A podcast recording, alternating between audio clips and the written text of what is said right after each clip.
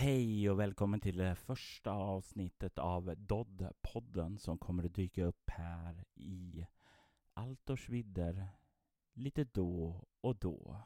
I de här segmenten så kommer vi att eh, belysa någonting relevant. Det kan vara att vi djupdyker i en av eh, modulerna, äventyren, har en intervju med någon som gör någonting spännande till Drakar och Demoner eller har gjort någonting spännande långt, långt tillbaka till tiden.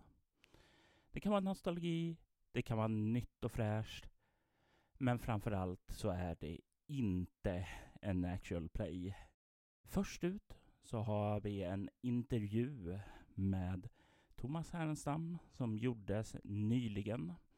Vi hade lite tekniska problem. Eh, första inspelningen gick inte alls på grund av uppkopplingsstrula. Och vid andra försöket så valde min ja, kära dator att ta upp ljudet från fel mikrofon. Därav är mitt ljud lite sämre än vanligt, men det ska nog gå alldeles utmärkt att höra mina frågor till Thomas ändå.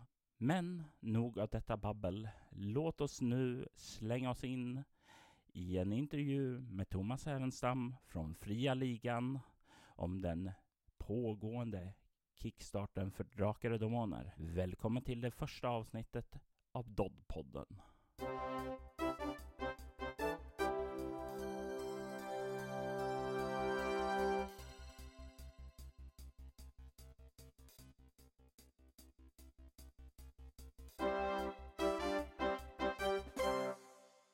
Och jag säger hej och välkommen till dig Thomas Härenstam från Fria Ligan. Grattis till en fantastisk fin Kickstarter-kampanj än så länge.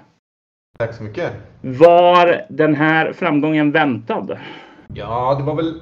Vi visste väl att det fanns ett stort intresse i Sverige i alla fall. Eh, det anade vi, det hade man ju liksom märkt. Så så sätt att det skulle väcka en del eh, intresse här. Men, men intresset utomlands ifrån visste vi ju ingenting om. Det var ju mycket mer okänt. Så det är ju väldigt kul att det även där också väcker intresse, även om det förstås är mest, alltså fortfarande svenska intresset är väl störst. Men, men det finns en nyfikenhet och, och ganska många backers från utlandet också. Jag har en fråga här ifrån Oskar Sandström just om det här. Som han skriver. Jag undrar lite över vad Thomas tror är förklaringen till den stora framgången på Kickstarter som till stor del består av internationella backers. Har Dragon Bay någon unik USP i konkurrens med alla andra fantasyrollspel eller är det fria ligans internationellt goda renommé på grund av exempelvis Alien-rollspelet som gör att så många har backat? Även om de inte har någon relation till Drakar och Demoner som vi svenskar har. Ja du, det är svårt att veta men jag, jag skulle nog gärna tro faktiskt att det är lite, lite är det nog det som man är inne på. Jag tror att vi har under åren här ändå lyckats bygga upp ett ganska bra rykte och en, vad säger man, en fanbase utomlands. Så en del tror jag backar för att de litar på oss att vi kommer göra ett roligt spel. Det, det, jag tror att det är en del av det, absolut. Eh, och sen tror jag sånt som Johan Egerkrans bilder gör en hel del. De är ju väldigt, sätter ju tonen väldigt väl och är väldigt fina och, och härliga sådär. Eh, och sen en tredje grej är att man kanske, man kan ju ladda ner en färdig snabbstarts-pdf och faktiskt prova spelet och testa och läsa det eh, i, i, nu mitt under kickstarten. Och det förhoppningsvis gör det att folk faktiskt gör det och gillar det de ser och, och, och spelar det och, och har kul och, och backar därför också. Absolut, och det var en fantastiskt fin eh, snabbstartsregler. Det väckte verkligen, i alla fall för mig då när man satt sig och spelade, den gamla känslan som påminner mm. om den som eh, var då man själv började för första gången där. Så det, det känns i alla fall som det är eh, något väldigt, väldigt lovande inför de slutliga reglerna som kommer att komma. Precis. Det är ju bara en snabbstart. Det är, det är mycket som inte finns med i den förstås. Så det är en hel del mer i, i de kompletta reglerna sen. Mm, vi ska gå in lite mer på det sedan. Men jag har en fråga här från Daniel Falberg som eh, undrar eh, hur pass nära in på kickstartens slut som Thomas vågar säga att man kommer få tillgång till eh, de kompletta reglerna via pdf? Vi hoppas eh, definitivt före årets slut. Det är definitivt målet. Riktigt när eh, vågar jag inte riktigt säga. Delvis är det ju eh, också så att vi har, det har ju blivit ett antal stretch goals upplåsta och även om vi hade var, de var ganska välplanerade så är det ändå så att det är en hel del här som nu ska texter som ska redigeras och eh, layoutas och illustreras och sådär. Så vi, vi har inte riktigt någon datum än, men, men definitivt för, före jul är ju definitivt målet. Utmärkt! Det låter fantastiskt trevligt att sätta något tänderna till jul och jullov och julledighet och allt det där. Verkligen. Om vi kollar lite grann tillbaka här till, eh, ja, ni har ju flörtat lite med Drakar och Demoner ända från start. Ni gav ut Svavelrint-rollspelet som har en ganska stark koppling då till Drakar och Demoner, även om det var sitt eget spel. Ni gav ut Legenden of Morwale-spelet med en eh, Drakar och Demoner-illustratör. Eller ja, inte bara då, men han har gjort, Peter Bergting hade ju gjort väldigt mycket mm. Drakar och Demoner-teckningar och samma ni gav ut Nils Gulikssons konstbok där som sedan blev sitt eget rollspel i Svärdets sång. Ni har ju flörtat där med gamla Drakar och Demoner skulle man kunna säga. Hur blev det till att eh, det verkligen blev Drakar och Demoner nu då? Jo, men så där är det ju verkligen. Vi har ju liksom på något vis velat eller försökt göra Drakar och Demoner i tio års tid tror jag. Från första början. Vi, vi, började, vi hade ju en diskussion faktiskt med Riot Minds då. Det är nog tio år sedan, det var 2012 tror jag. Då var ju ligan helt ny, nybakat. Vi hade inte släppt ett enda spel än. Vi höll på med Svavelvinter, men det var ju i den vevan. Och då hade vi en diskussion om att ge ut ett Drakar Demoner på licens då, för då äger ju de varumärket och så. Men det gick aldrig i hamn riktigt. Så det, sen har vi haft lite återkommande diskussioner med dem genom åren egentligen. Men jag tror att det känns ju som att näst, ganska många rollspelare, rollspelskonstruktörer i Sverige vill ju på något vis göra sitt Drakar Demoner eller ett Drakar Demoner eller liksom tolka Drakar Demoner. Det känns som att det är svårt att göra ett fantasyspel i Sverige som inte på något vis förhåller sig till Drakar Demoner. Det, det, det har ju präglat vår utgivning, inte minst som du säger med Först Svavelvinter-spelet, spelet om Morwell, vars liksom, blev också starkt inspirerat av, av, av liksom eh, gamla Drakar men även med omslagsbilden av Peter Bergting är ju liksom lite grann också en variant på den gamla Stormbringer-bilden. Och sen eh, som du sa, Svärdets sång och, och, även då när man räknar in Järnringen som ju är en del av fria ligan nu. De gjorde ju sitt Symbarom som ju också på många sätt är en tolkning. Deras tolkning var ju av Drakar egentligen. Så vi, vi har gjort några Drakar innan vi gjorde Drakar kan man säga. Och att det blev nu till slut, det, det, det var egentligen för att vi kunde komma överens med Ja, med, med Riot Minds om, om, om varumärket och sen att vi kände att jo, men det, trots att vi har gjort de här andra spelen innan så har vi kvar ett, ett riktigt Drakar Demoner i oss på något vis.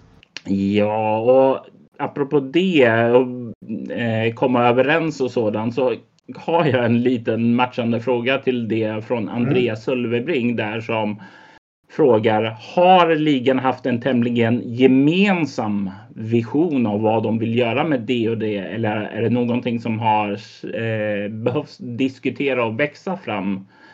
Hur mycket olika viljor har det varit där? Ja, en del olika viljor eh, förstås. Det är det ju alltid när man jobbar fram ett spel, men inte några våldsamma bataljer skulle man inte påstå. Jag tror att den mest intensiva diskussionen vi haft inom ligan, det var nog egentligen om vi skulle göra det. Om vi skulle då köpa varumärket, om man ska säga det. Så om, vi, om det ens var en bra idé. Det, det var nog den största, längsta, största liksom, diskussionspunkten. För det var ju långt ifrån självklart från början med tanke på att vi har många andra spel. Eh, och, och, är det verkligen rimligt? Och, och, och, då såg vi från början också väldigt mycket Demoner främst då som bara ett svenskt spel och det var också en diskussion vi hade. Är det, är det klokt att satsa på ett spel faktiskt som bara är på svenska? Eh, för vi, vi gör ju rollspel för att vi älskar det men också, vi lever ju också på det så vi måste också tänka att det faktiskt kan bära sig. Så det var ju också en diskussion om det var, om det var, om det var klokt att ge sig på Drakar och Demoner. Men, men, eh, så det var väl en diskussion, men det var, det var, inte någon våldsamt... Eh, vi kom överens ganska snart och kom fram till att det spelar liksom ingen roll alla de här eventuella farhågorna eller så, men alla sa men det är klart vi måste göra Drakar och Demoner, så skärp er, det är klart vi ska göra det. Så vi, det var liksom egentligen visste vi nog det eh, allihopa, att det, det måste vi naturligtvis bara göra. I andra eh, intervjuer som du har gjort så har du talat mycket om att eh, det har ett eh, ganska ja, ingångsperspektiv är ju att vara ganska öppet så att det ska vara lätt att komma in i och det ska ha ett eh, litet mer äventyrarfokus. Att det ska, vad var det du brukar kalla det, mirth and mayhem eh, på engelska då? Mm, precis, och det där lilla tagline eller vad man ska säga Eh, Eh, vi, vi, kände på svenska så behövde drakemoner ingen närmare presentation bland rollspelare. Så det, det, det, liksom, det, löser sig självt där. Men vi kände på, på engelska kan vi inte, vi måste ju säga någonting. Och Mirth and Mayhem, egentligen var det gammal, det var faktiskt ett gammalt namn som jag hittade på till ett rollspel jag skrev en gång. Jag höll på att skriva något slags rollspel på 90-talet som var en faktiskt tolkning av MUTANT faktiskt redan då. Som jag av någon anledning ville döpa till Mirth and Mayhem. Så det, men det blev aldrig något av det spelet. Det var ju långt före ligan fanns. Det var faktiskt mm. när, vi, när vi började tänka, vi måste hitta på någon slags tagline eller någonting för den engelska utgåvan av Drakar Då kom jag på det där namnet. Och då tänkte jag, men det passar faktiskt ganska bra för vad det här spelet är. Det är när man spelar det, vi, vi har ju skapat det här spelet mycket genom att spela oss fram till det också. Det är ganska kaotiskt, kul, eh, och, men, också, men liksom just mycket utrymme för humor och, och, och skratt vid bordet. Så vi kände Mirth Mayhem passar ganska bra för att beskriva spelstilen och för att skilja det här spelet från andra fantasyspel vi har som, som är lite, Symbaron bygger mycket på sin stämning och sin värld och sina fraktioner och sitt politiska spel. Så det är liksom ett lite allvarligare spel och, och även The One Ring har ju också sin enorma värld och, och det är mer culture gaming, att sjunka in i världen. Det kan man göra i Drakar också, men fokus är nog lite mer på äventyrande sagor, spänning och, och, och skratt. Liksom. Och det, det går ju för oss tillbaka till egentligen hur vi spelade Drakar också från början. Att det, Alltså innan expert och innan det byggdes på och blev mer detaljrikt. Alltså gamla Drakar när det var också den här känslan som, som jag har av det i alla fall. Att det var ett spel som man kunde dyka in i ganska snabbt och göra till sitt eget ganska mycket. Och det har vi försökt lyfta fram nu med den här utgåvan. Eh, Andreas fortsätter med en, en, annan fråga, nämligen vilka, regl, vilka regeländringar är ni själva mest nöjda med och varför? För ja, ni har ju uppdaterat lite. Ja, det där är ju supersvårt, för det där är ju en diskussion, särskilt på svenska sidan då, för att det är naturligt nog, i utlandet har ju, har ju folk ingen relation till vilka regler det ska vara i, i Dragonbane. Det har de ingen åsikt om. Men Nej. i Sverige är det lite annorlunda. Där finns det väldigt mycket åsikter om vilka regler som, hur det ska funka i Draklemoner. Uh, och vi valde ju att, att ligga ganska nära att behålla den, samma grund liksom, i, i, i någon slags, det är vad man brukar kalla basic role playing. Sen kan man väl diskutera om det är det eller vad, vad definitionen på det är. Men den traditionen av ett färdighetsbaserat slå under system utan levels, eh, om man säger så. Mm. Så där ville vi ju lägga oss nära någon slags grund, men samtidigt insåg vi att det finns ju ett antal klassiska problem med, med BRP som vi tänkte det här vill vi ge oss på att försöka justera och vi vill också göra spelet eh, lite snabbare, lite rappare och, och mindre fastna i, i detaljer. Så där gjorde vi en hel del ändringar och vissa av dem har ju landat väl, många, och, och, och men vissa uppskattas inte lika mycket. Och en, en grej vi gjorde då är att vissa av dem har vi lagt in som frivilliga regler så att man känner så här, men det här det passar inte med. En sån sak är att det här med att pressa slag som, vi, som ju lite kommer från Year Zero eller År Noll-spelen, att man får slå om ett slag mot någon slags kostnad eller så, eller risk eller någonting.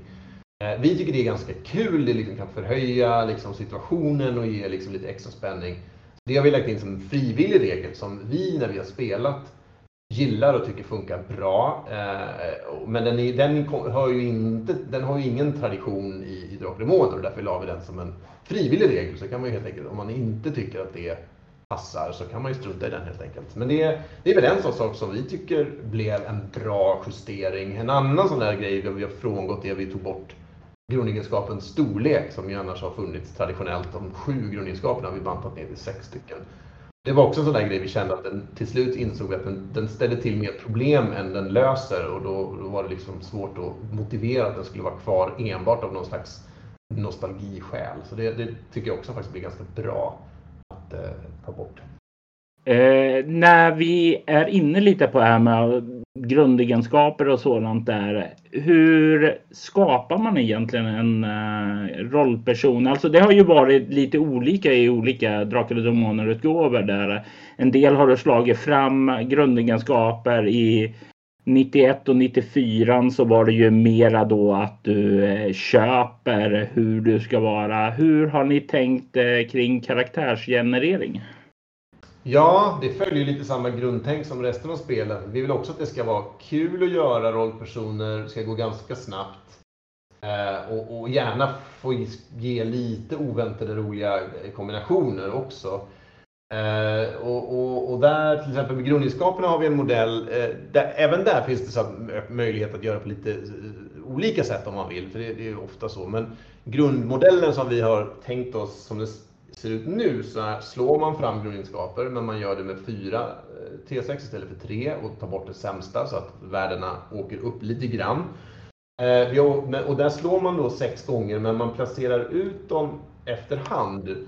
Eh, man får alltså sätta dem vad man vill men man måste sätta ut värdet när du har slagit det. Du kan inte slå sex gånger och sen sätta ut. Och det det gör det lite snabbare och lite kul för då blir det sådär, om jag slår, om jag vet att jag vill vara extra bra på smidighet, så slår jag så här 15 eller 16, då kan man känna, ja, våg, ska jag sätta den där så jag vet att jag får ett ganska bra värde? Eller kan jag slå ett ännu bättre om jag sätter den någon annanstans? Det blir lite en gamble av att, att slå fram sina grundegenskaper, vilket är lite kul, men du har samtidigt ganska stor kontroll på hur, hur rollpersonen blir. Så att um, det är ett sånt, så funkar just grundegenskaperna. Mm. Eh, ja. Jag måste ställa en fråga här då eftersom jag fått en lyssnarfråga rörande just. Det finns ju olika raser och sådant där. Ja. Har de modifikationer eller har alla samma typ av framslagsvärden? Eh, de olika, just det, släkterna. Nej, där har vi faktiskt valt en väg och det var ett av skälen att storlek rök också eh, var faktiskt att vi, vi kände att det finns egentligen inget jättestarkt skäl att, gör, att, att tvinga olika släkten ha olika eh, grundegenskaper. Det blir också bara mer komplicerat på det sättet. Det är bättre att låta spelaren styra det där själv. Eh, mm. Men det, var lite svårt till exempel med grundegenskapens storlek för då kände man att man måste på något vis begränsa halvlingarnas, de kan inte ha storlek 18, det hade blivit helt knasigt. Det var ett, lite av ett skäl, vi kände så här, men och ett annat problem var dvärgar till exempel, de kan inte heller kanske ha max storlek men eftersom skadebonus traditionellt går på styrka och storlek så fick det ju det effekten som det då var i gamla Drakar att dvärgar får sämre, mm. ska, eller sämre liksom potential att ha bra skadebonus vilket gjorde att dvärgkrigare liksom har en nackdel. Och då jag, men det här, det här är ju inte bra. Liksom. Det är bättre att ta bort det och låta, låta spelaren bestämma lite mer själv. Så vi har inga sådana tvingande regler för grundegenskaper bland de olika släkterna utan det där får man styra som man själv tycker passar bäst. Istället har vi då att varje släkte har en egen släktes förmåga, alltså en unik förmåga istället som bara, bara eh, rollpersoner från det släktet kan använda. Så det gör ju att varje släkte blir, har sin lilla unika grej eh, i alla fall. Eh, eh men det speglas alltså inte i nödvändigtvis i grundegenskaperna om man inte vill att det ska det. Mm. Eh, nu talar du en hel del om dvärgar där. Vi har mm. ju tack vare grund, eh, ja, de här snabbstartsreglerna då sett eh, fem olika raser. Halvling, alv, människa, anka och eh, vargfolket då. Eh, mm. Jag gissar då att den sista, för ni har sagt att det skulle vara sex va, i boxen mm. då. Så yes. är den sista dvärg antar jag då. Det stämmer bra. Eh, om vi blickar bort från själva raserna då. Vad är det för typ av yrken och sådant eh, som vi kan förvänta oss? Eh, både Andreas Sölvebring och Kjetil Kvendocken är nyfikna på att höra mm. lite mer om det. Ja, det är ett gäng eh, yrken. Jag kan se om jag kan, eh, nästan kan de nog i stort sett utan men jag skulle ju också bara kunna rabbla upp dem. Uh, ska vi se. Vi har, som det ser ut nu, alltså det är fortfarande så att spelet är under utveckling och saker kan mm. ändras. Men vi har Bard, hantverkare, jägare, krigare, lärd, magiker av tre olika sorter i grundspelet. Animist, elementalist och mentalist. Eh, nasare, riddare, sjöfarare som kanske ska byta namn till skattletare. Vi har inte riktigt bestämt det där än. Och tjuv. Mm. Ja, det är en ganska bred ut, eh, ja, en bred eh, val att eh, mm. ta ifrån där. Så jag kan inte direkt säga någon annan än eh, Köpman som jag eh, saknar. Mm. Eh, Nej, Nasare kallar vi det för, så den finns där faktiskt. Ah, okej. Okay. okay. Men det, det, så den är med. Ja, men då så. Då är jag jättenöjd med ja.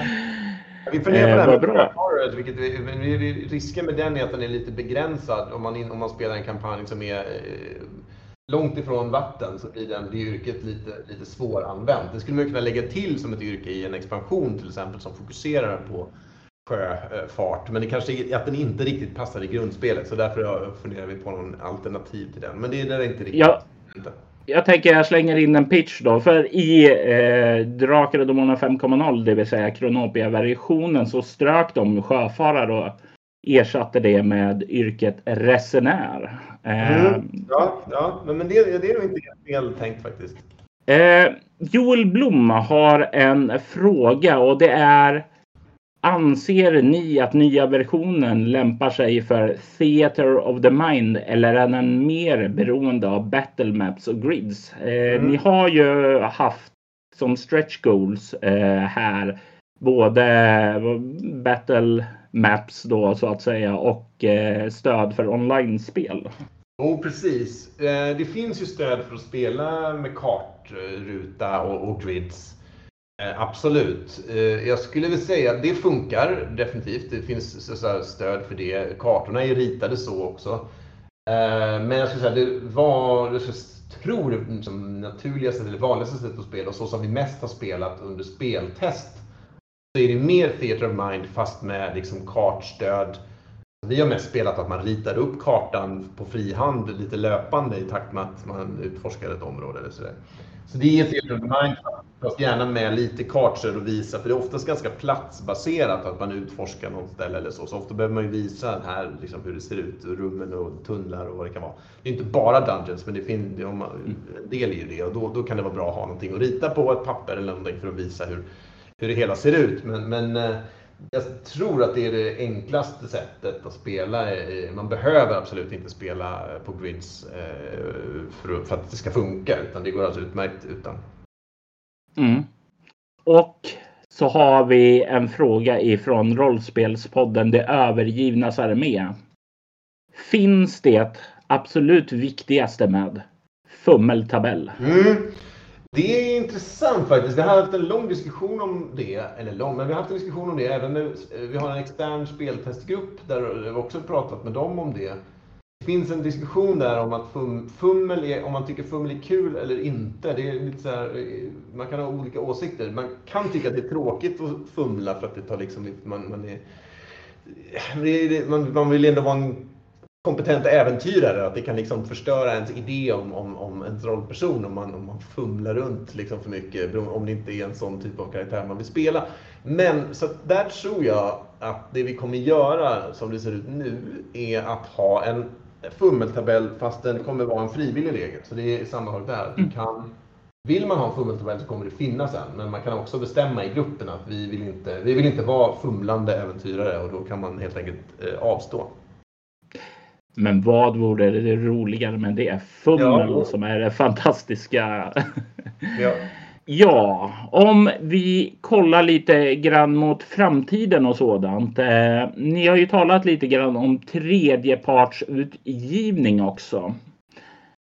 Vad, vad har ni tänkt på det? Alltså, vi har ju redan eh, Mörkborg som har en väldigt levande eh, utgivning, så ganska fritt och sådant. Är det någonting som ni har kikat på lite inför när ni har satt er ner och tänka här för Drakar och Demoners framtid? Ja, men det, det, kan man nog säga att vi har. Det har ju varit otroligt kul att se det för Mörkborg, hur det har exploderat med tredjepartsgrejer av alla möjliga slag. Eh, och vi har ju haft en liten, eh, också mycket ett tredjepartsutgivning, men vi har ju eh, styrt lite mer mot det här Eh, Drive-Through RPG och det som kallas för Community Content Program. Och det är, ju, det är ju samma grundtänk egentligen, att andra kan göra moduler till våra spel, men skillnaden är att där är det lite begränsat till att det enbart är pdf-er och det måste gå via den plattformen, Drive-Through RPG. Och det är ju poängen med det är att ha lite mer kontroll helt enkelt, vad som ges ut och lite överblick.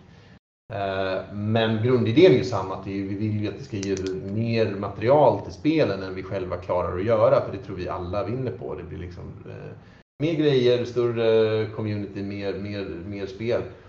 Och för Drakar Demoner har vi tänkt att, att vi vill vara, eh, bli, göra det ett hack mer fritt än vad det har varit på, på Free League Workshop, då, den här eh, på Drive-Through RPG. Så, och lite likt, inte identiskt, men lite mer likt eh, hur Mörkborg-gänget har gjort en licens. I varje fall på svenska kommer vi ha det så, förmodligen på engelska också, men att man får i princip ge ut eh, moduler till Drakar om man vill. Eh, eh, det kan vara äventyr, det kan vara setting, det kan till och med vara regler, inte kompletta hela spel, men, men en regeltillägg och så är helt fine. Eh, och det kommer vara ganska fritt så länge man förhåller sig till några enkla regler så kan man skapa det, publicera det och ge ut det även i tryckt form om man vill eh, utan någon royalty eller någonting till till oss. Utan det kommer man kunna göra eh, helt, helt fritt och så får man en liten logotyp som man sätter ner i hörnet på omslaget där det står ett tillbehör till Drakar Demoner eller någonting sånt. Så det är grundtanken. Exakt hur vi ska formulera den texten det, och vilka reglerna är, det, det är mer att man inte kan ge ut precis vad som helst. Det finns ju alltså, ja, det är uppenbara risker att man har något som är liksom, vad det nu kan vara homofobiskt eller någonting. Det, det, så vi kommer ju ha någon typ av formulering som gör att det, det finns ju gränser. Liksom. Men, men i princip annars väldigt fritt eh, vad man kan ge ut till spelet. För vi vill ju verkligen få en, en, en, en community kring spelet där många andra ger ut saker till Drakar Demoner. Vi ser ju inte det här bara är ligans Drakar Demoner utan det är ju hela rollspels-Sveriges Drakar Demoner. Och världen. Och världen, ja nu. Ja, kanske det. Ja. Eh, för mig som har skrivit material sedan typ 1994 till Drakar och Demoner och sådant så låter det här alldeles, alldeles fantastiskt. Att eh, sätta sig och gräva ner i sin gamla skrivbordslåda och se vad som eh, man kan göra med det. Ja, det är precis det vi hoppas. Vi vet att det finns ju många som har grejer och, och vill göra saker och så, så, det är verkligen det vi vill. Inte stoppa utan tvärtom liksom släppa fram. Men det låter ändå som det är ganska fritt här. Eh, vad jag har hört så är det, har det eh, varit lite striktare med eh, de här äventyren som ni har anlitat folk för att skriva i samband med eh, den här kickstarten då. Mm. Vad eh, har varit fokus där för att eh, hålla det eh, samordnat. Eh, ja, ni... är, det, vi vill ju ta in, vi har ju ganska många olika skribenter. Det är väl uppe i nio olika äventyr nu tror jag, alla med olika skribenter. Vilket ju är, och det ville vi ju av lite samma skäl att ta in. Det är ju en del skribenter från legender från förr som Roger Rundhagen och Gunilla Jonsson och Micke Petersen. Och... Min personliga favorit Johan Sjöberg. Ja, Johan Sjöberg. även då nyare förmågor, Moa Frithiofsson och, och, och, flera andra, Gabriel de Boer och, och flera. Så att vi har, ville ha, verkligen ha en blandning av skribenter så att man kan få olika, liksom lite olika smak och ton på Drakar. Men samtidigt vill jag att de här äventyren ska funka tillsammans, till och med och bilda en kampanj ihop på samma plats. Och det gör att vi var tvungna att vara ganska hårda i själva formatet. Hur, hur man strukturerar. Så det har vi faktiskt en väldigt hård mall ur hur äventyr som vi gör är strukturerade. Eh, särskilt i, i, i den här grundlådan då, för även om det är många äventyr så är de av nödvändighet då ganska korta. Så det kräver också, vi vill verkligen, det är ett annat mål vi har med spelet, att det ska vara lätt att använda, lätt att spela. Och det gör också att vi, äventyr måste skrivas på ett väldigt pedagogiskt och tydligt och strukturerat sätt. Så där har vi varit hårda mot skribenterna, men vi tror att det är nödvändigt för att det ska bli någonting som hänger ihop eh, och funkar tillsammans och som är lätt att förstå. Så att inte ett äventyr är skrivet på ett helt annat sätt än nästa äventyr. För då skulle det ju tvärtom bli väldigt svårspelat. Där, men vi känner att ändå så kommer de olika skribenternas olika personlighet och stil fram i alla fall. Så det, det, känns som att det funkar. Lite mindre lapptäcksvarning med andra ord. Det är målet, vi är helst precis. Men det känns ju som att ni har lite grann en, eh, en övergripande kampanjplats där som eh, då kommer att fyllas med olika äventyr och liknande då. Precis.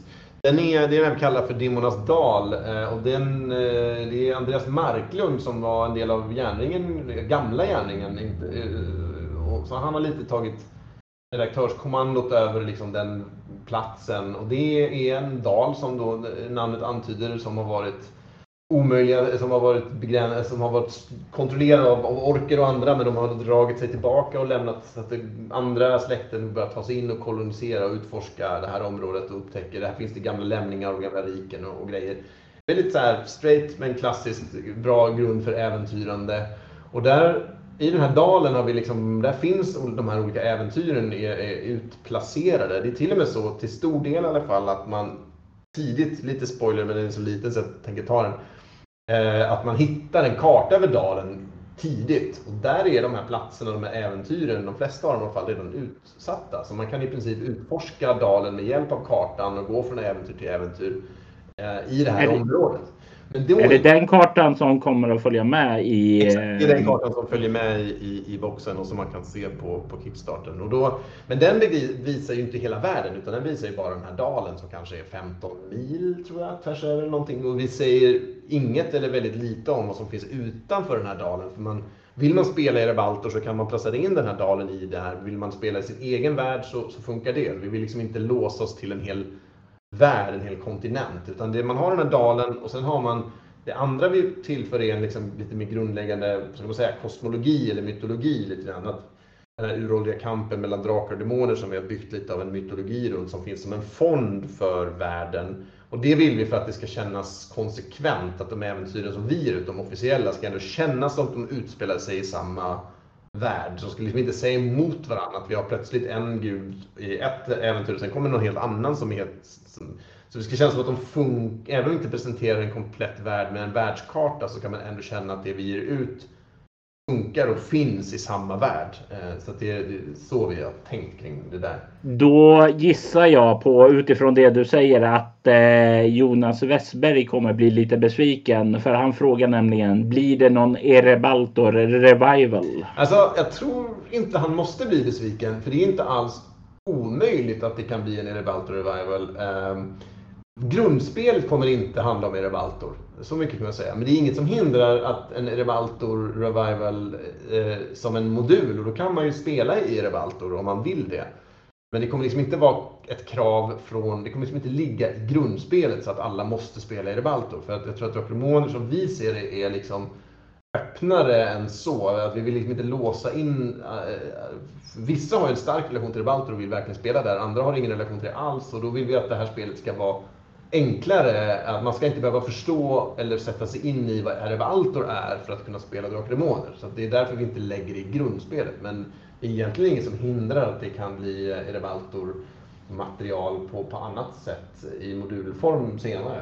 Spännande. Finns det några planer eh, framöver utöver? Nu är det förstås mycket att göra med grundreglerna och alla äventyr och sådant där. Men har ni en plan för vad som komma skall? Kommer det att komma några handböcker? Kommer det att komma några magiböcker? Kommer det att komma ja, någon stor äventyrskampanj eller sådant? Hur ser ni på framtiden där?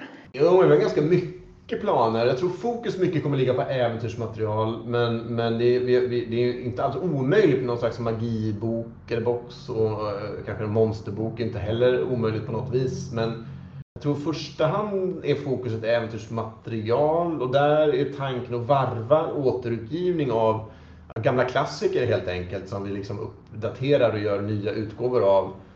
Eh, det första vi har planer på är Ärans väg. Men vi har ju jobbat med Roger Undhagen eh, och tanken är att han eh, skrev ju del 1 och 2 av Ärans väg, Döda skogen och Maktens portar och sen hoppade han av, eller det, han gjorde aldrig del 3, men han hade ganska långt gångna planer för del 3. Men, men den skrevs istället av Micke Petersen som gjorde ett eh, schysst jobb. Men Roger Rundhagens egen idé om en del 3 har aldrig gjorts. Så att nu har vi planen att han ska få skriva den och, och att vi ger ut hela Ernas väg liksom som en ganska stor kampanjmodul. Då. Så det är en sån. Och sen har vi, skulle vi gärna göra kanske Svavelvinter, kanske Marsklandet, några, vi får se lite grann. Men, så vi tänkte varva nya utgåvor av dem med helt nyskrivet material. Och där har vi också en del planer. Eh, eh, vi diskuterar med Johan Sjöberg om en grej till exempel. Och det finns lite olika idéer om också helt, eh, helt nytt material. Så tanken är väl att ligga någonstans 50-50 och varva nytt med gammalt eh, äventyrsmaterial. Men eh, så det,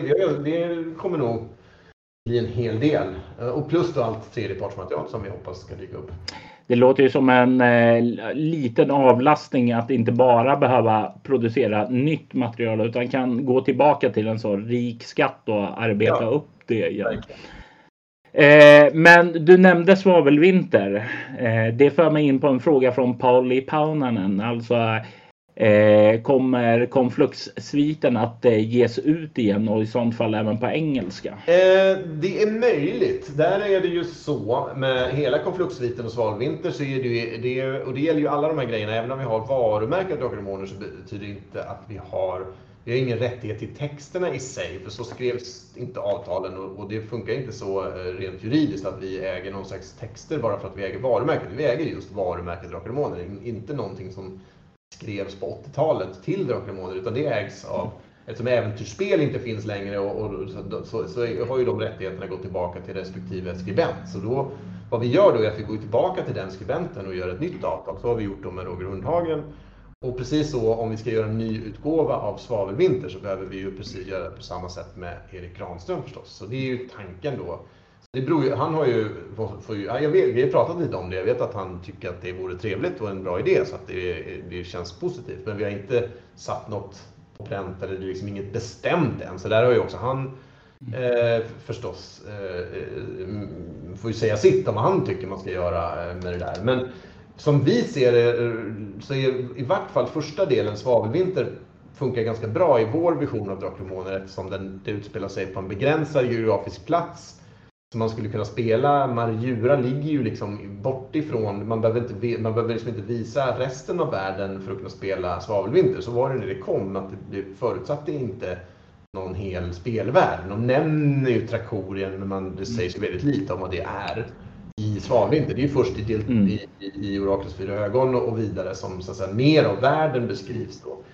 Så att, vi får se. Just Svanvinter känns som att det passar i hur vi tänker oss officiellt material till, till Drakar och men, men det vore ju roligt att ge ut att hela konflux-sviten blev återutgiven också. Så att det, det är nog inte alls omöjligt. Det låter definitivt som det är en väldigt, väldigt spännande framtid för drakar och demoner. Och eh, för med största sannolikhet så kommer det här avsnittet komma ut när det fortfarande eh, är en Kickstarter på gång och komma ut där i sluttampen. Och för de som inte har backat redan, vad skulle du säga till dem då, Thomas? Ja, alltså spelet kommer gå att få tag på även utanför Kickstarter, men fördelen med att vara med på Kickstarter är att man får ju den här kompletta pdfen väldigt tidigt så man vill liksom vara med och, och, dels få se hur det blir men också tycka till och, och, om hur det borde vara. Eh, tack vare att man får den här beta-pdfen här i höst. Det kan ju vara ett skäl eh, att, att faktiskt vara med på kickstarten. för då, är man ju, då får man liksom lite grann vara med och, och, skapa Drakar och Månen tillsammans med oss. Det, det, om man tycker det verkar kul så är det ju en god idé att hoppa på kickstarten. innan den. Och har du idéer om att ge ut tredjepartsmaterial så är det ju jättebra att få en liten försprång och börja konvertera dina gamla grejer så att de är redo när avtalet kommer ut också. Precis. Eh, då har jag bränt igenom mina frågor, men innan jag avslutar det här samtalet och intervjun med dig så tänkte jag slänga fem stycken frågor på dig. Bara se en liten kort Dodd-quiz och se hur bra mm. eh, du lyckas på den. Ja, spännande. Den första frågan jag ställer till dig nu Thomas är Vad heter minotaurerna som härjar i döda skogen? Åh oh, nej! Åh! Oh. Usch! Det vet jag ju men jag kom... nej, jag kommer inte på det nu. De heter Grim och Grum. Just just det, just det. Ja, börjar dåligt här. Anders Fager skrev klassikern Spindelkonungens pyramid. Men inte under namnet Anders Fager. Vad skrev han det som? Oj, jag visste bara att han skrev det, att han har skrivit det, men vad sjutton står det på, på den? Det, jag nog går nog, det verkar som jag går bet här också. Anders Johansson står det i själva Spindelkonungens pyramid. Inte det då? Det tog mig jättelång tid att kappla samman när folk sa ja men det är Anders Fager som har skrivit. Jag bara nej, det står Anders Johansson här. Ja, han Så- kanske har bytt namn någon gång på vägen. Jag vet faktiskt inte. Mm. Tredje frågan. Hur många handböcker släpptes det till Drakar och Demoner 4.0, alltså 91 Ja du, vad blir det då? Krigarens... Ja, och... Ja, vad kan det vara? Var det fyra? Det var det tre? Och då menar jag även de som inte specifikt har handböcker utan jag ger dig en gratis här. Till exempel Svartfolk. Det var Du menar även de som inte hette... Eh, Ja. bok? Aha. Alla som gav, eh, vad heter det, mer spelmöjligheter, nya regler, nya yrken. Ja, då var det lite fler. Vad kan det vara då då? Mm, åtta, nio stycken? Kan det vara så? Jag tänker ge dig rätt på det, för det var nio stycken Okej. eh, där som släpptes. Tjuvar och lönnmördare, Krigarens handbok, Magikerns handbok, Hjältarnas handbok, Kaos väktare, Alver, Drakar, Kopparhavets skapare och Svartfolk. Ja. Ja, ja, men det var ju nästan rätt då. Ja, jag ger dig rätt, ett eh, rätt i alla fall. När släpptes Drakar och Demoner för första gången? Och den här borde du klara nu tycker jag Thomas. Den borde jag väl inte missa i alla fall. Om det inte är att det är någon konstig kuggfråga här. Men det var väl 1982 i alla fall om jag inte är fullständigt fel underrättad. Du är helt rätt underrättad. Det är rätt igen. Och då ställer jag dig den sista frågan. Mm. Drakar och Demoner Ivanhoe släpptes och det var nästan lite grann har jag fått intryck av kärleksbarn från dess redaktör. Mm. Vem var projektledaren för det? Projektledaren för Ivanhoe. Spännande. Jag tror väl inte att det var Anders Blixt. Var det Henrik Strandberg? Ja, nu blir jag osäker. Eh, Men vi, jag kör på det. Är det ditt slutgiltiga svar? Det får vara det tror jag. Och det är korrekt. Det var Henrik Strandberg. Anders Blix hade nyss slutat då, så han hade tagit över stafettpinnen och det gör att du lamna, landar på tre av fem rätt. Ja. Grattis Thomas! ja, men tack. Det får väl duga då. Det har varit fantastiskt trevligt att tala med dig och jag tackar dig och resten av ligan och alla era skribenter där som får livet att blossa upp igen för Drakar och Demoner. Ja, men tack, tack själv. Kul att vara med. Då så tackar jag för dig och säger ni som inte redan har backat hoppa in på länken till Kickstarten. Ni hittar den i avsnittets inlägg. Tack för oss.